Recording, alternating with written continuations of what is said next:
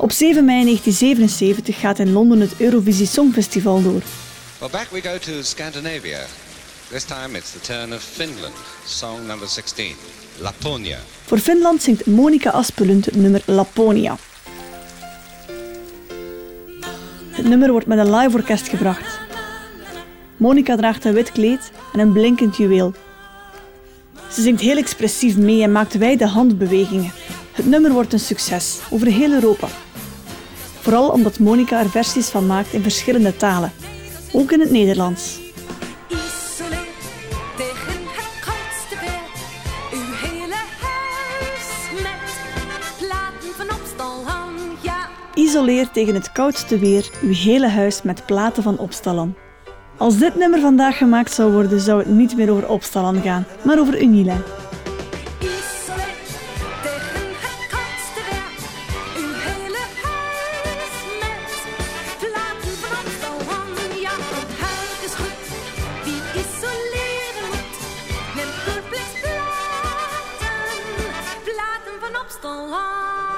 Dit is aflevering 3 van Doordoen en ik ben Lieselot Verdonk. 31 maart 2005. Opstallan wordt deel van Unilein. De eeuwige rivalen, de grote concurrenten vormen vanaf nu één bedrijf. Wat niemand ooit voor mogelijk hield, is een feit. Dag, Lieselot. Hi, hi. Om het te hebben over Opstallan moet ik natuurlijk naar Nederland, naar Oosterwijk, waar Unilein Insulation tot op de dag van vandaag een fabriek van dakelementen heeft. Ik spreek er met Rob van Leeuwen. Hij begon ooit bij Opstallan. Opstal was een eh, Brabants eh, familiebedrijf, hè, opgericht door Van Opstal. Met een goede sfeer, een goede werkmentaliteit. Hard werken, het werk moet af, moet de kwaliteit leveren. Dat was een beetje de, de rode draad door Opstallan, zeg maar. Uiteindelijk ga je weg bij Opstallan, werk een aantal jaar ergens anders en vragen ze jou bij Unilin of je bij hen wil komen werken. Speelde het mee voor jou dat je ook wel van Opstallan kwam, al was het niet rechtstreeks? Ja, dat, je denkt daar wel goed over na. Hè, want ik heb tien jaar lang met heel veel plezier bij, bij gewerkt. En ja, dat ging soms... eh, ja, in, in de markt ging dat soms te hard aan toe. Hè? Want zowel Unilen als Opstallan willen voor het project gaan, willen voor de order gaan. Ja, en er kan er uiteindelijk maar één de winnaar zijn. Ja, en eh, ja, daar, daar loop je dan tegenaan. De ene keer was, was Opstallan de andere keer was Unilin de gelukkige. En dan werk je nog maar een aantal jaar bij Unilin en dan wordt Opstallan overgenomen. Kun je eens vertellen hoe dat gegaan is, hoe je dat beleefd hebt? Ja, dat was eh, in het begin best even zo van wow, eh, hè, dat, wat, ge- wat gebeurt er nu? Dat kwam best wel onverwachts uiteraard. Maar ik had op een bepaald moment heb ik wel begrepen dat we in een heel ver stadium waren van een overname. En ik hoorde, ja, ook met, net als mijn collega's op dat la- allerlaatste moment, dat dat Opstallan was. En dat, eh, ja, dat vond ik eigenlijk wel heel mooi. Ja, want dat maakte eigenlijk de cirkel toch weer een beetje rond. Rob was vroeger en nu opnieuw een collega van Wolfgang Paslak, die als jonge ingenieur voor Opstallan ging werken. Opstallan werd tot drie keer toe overgenomen en telkens bleef Wolfgang aan boord. Zullen we eens beginnen bij het begin? We zijn in Oosterwijk, in de oude gebouwen van Opstallan, waar nu Unilin Insulation Nederland zit. We horen de machines op de achtergrond. Ben jij hier ook begonnen? Ik ben hier begonnen, ja. Begonnen bij Opstallan dus. ja. Bijzondere tijden. Grote concurrenten, Unilin en Opsalan. Echt de grootste concurrenten. Hè. Die, eh, het was water en vuur.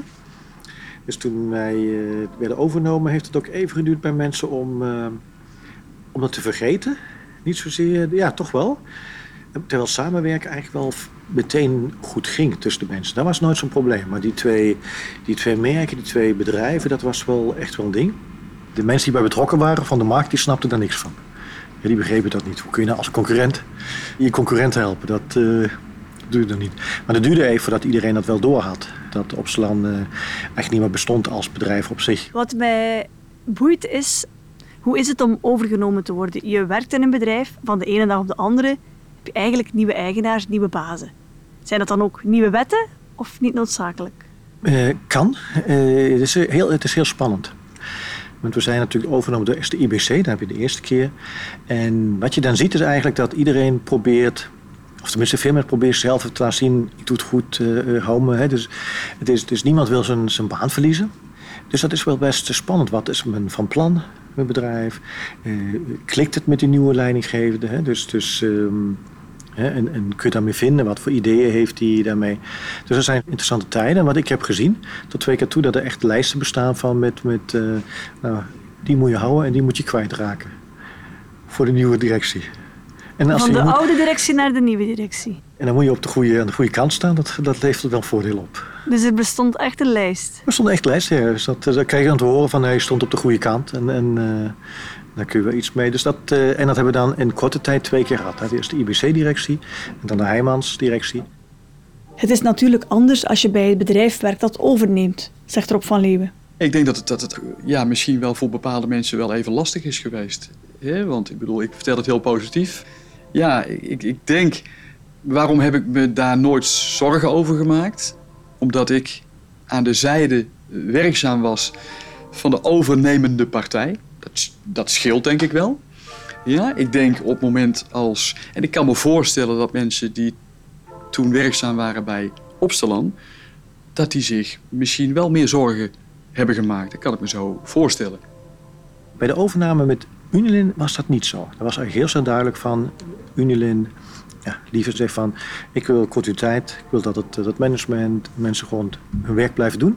Die blijven staan. Dus daar was die wel even die stress natuurlijk, altijd overgenomen. Maar die was heel snel weg, omdat je eigenlijk wist van het zal niet zo zijn als de vorige keer dat je maar even moet kijken wat er gebeurde. Het is natuurlijk wel altijd de vraag van met zo'n overname van een gelijkwaardig bedrijf. We zijn van blijf je nog verantwoordelijk worden voor je werk. Want we wisten, iedereen wist het, we gaan niet op de duur twee verkoopdirecteuren houden in Nederland. Niet twee verkoopbinnendiensten, niet twee technical service. Hè, dat, dat weet je, dus één moet, één moet er verdwijnen. Dus dat stuk speelde dan heel zeker bij iedereen van, ja, ben ik het? En je bent als partij die wordt overgenomen, heb je niet de beste positie. En hoe is het om met je grootste concurrent ineens te moeten samenwerken? Want in de markt waren jullie opstellen, Unilin, echt wel de twee grootste concurrenten. Dat was echt heel bijzonder. Heel vreemd, vaak. Want dat is heel, heel grappig altijd. Je hebt het Nederlands gezegd, onbekend maakt onbemind. Dus je kent elkaar niet, maar je, ja, je haat elkaar dan toch, hè, zoals concurrenten. En ik mocht dan deelnemen aan het innovatiecomité.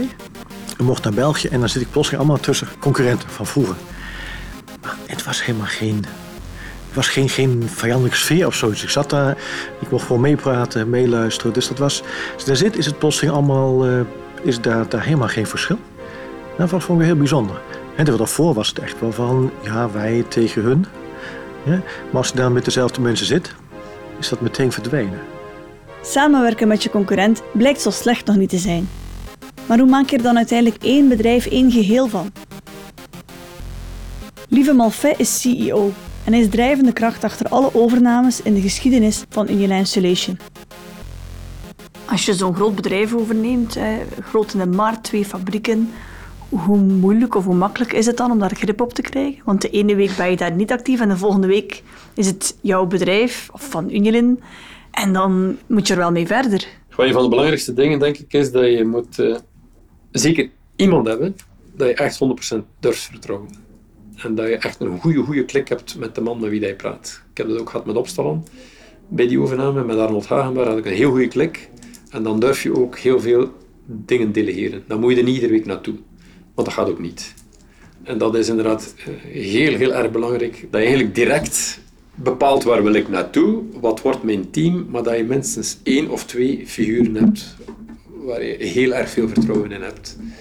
En dat je durft ook vertrouwen geven. Hè. Zijn dat dan mensen die al in het bedrijf zijn, of zijn dat mensen dat je daar plaatst? Liefst die in het bedrijf zijn, die het bedrijf kennen. Hè.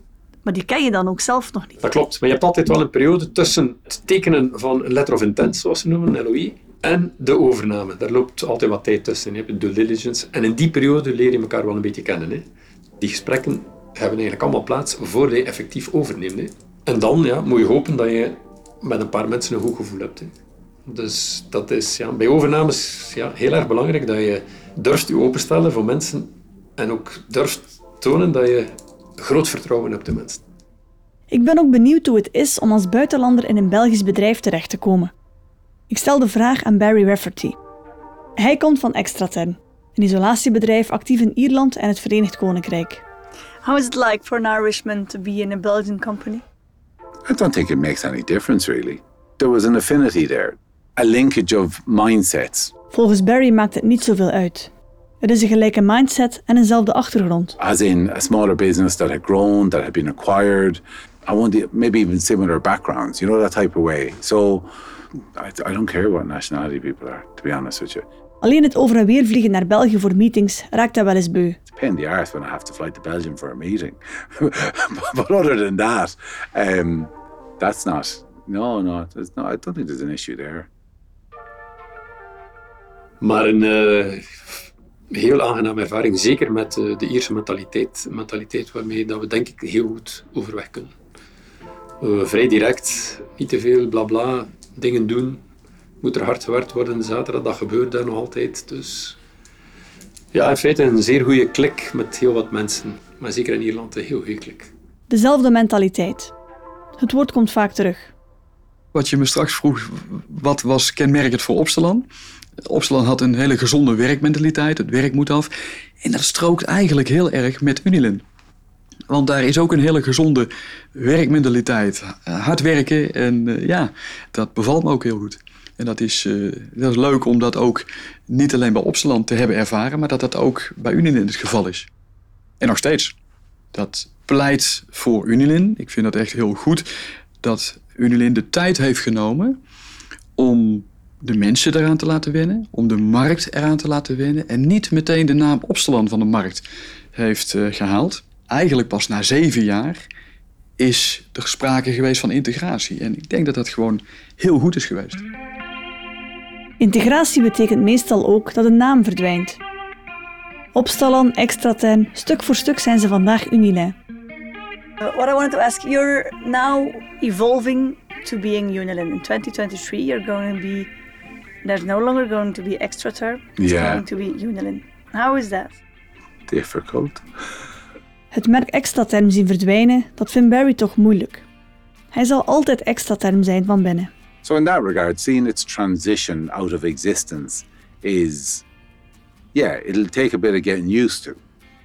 You can stick a blue badge on my shirt, but I'm still always going to be extra term. You know, that's the reality of it. That, for me to change that in my core will take a few years.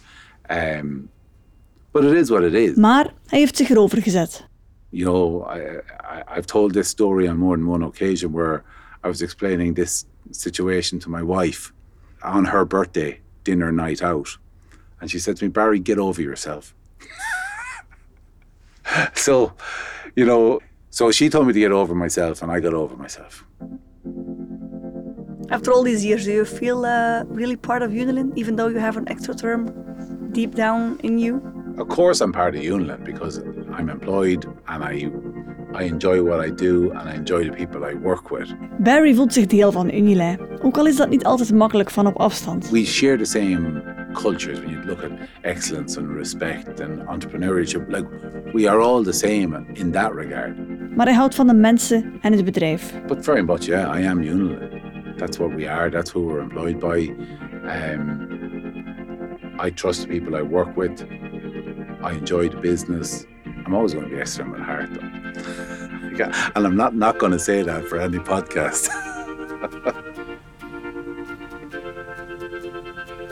Als de naam verandert, worden ook bepaalde symbolen aangepast. Jullie zijn dus op een gegeven punt van opstallen echt Unilin geworden. Er is een dag gekomen dat hier toch het logo van de muur is gehaald en er een ander in de plaats kwam. Weet, wat weet je daar nog van? Het doet wel eens, mensen hechten daar wel waarde aan, merk ik. En op een gegeven moment neem je van heel veel dingen gewoon afscheid. Dat is. eh, het laatste wat ik weet, inderdaad, dat hier het logo inderdaad van, van, eh, van de poort inderdaad eraf ging. De letters. En wie ze wilde hebben, mocht ze meenemen. Dus, eh, en dan was het gewoon een feit en nu is het gewoon. Het is, een stukje, het is geschiedenis. En zo werd Opstalland geschiedenis. En tegelijk cruciaal voor Unilin Insulation. Meer daarover in aflevering 4 van Doordoen.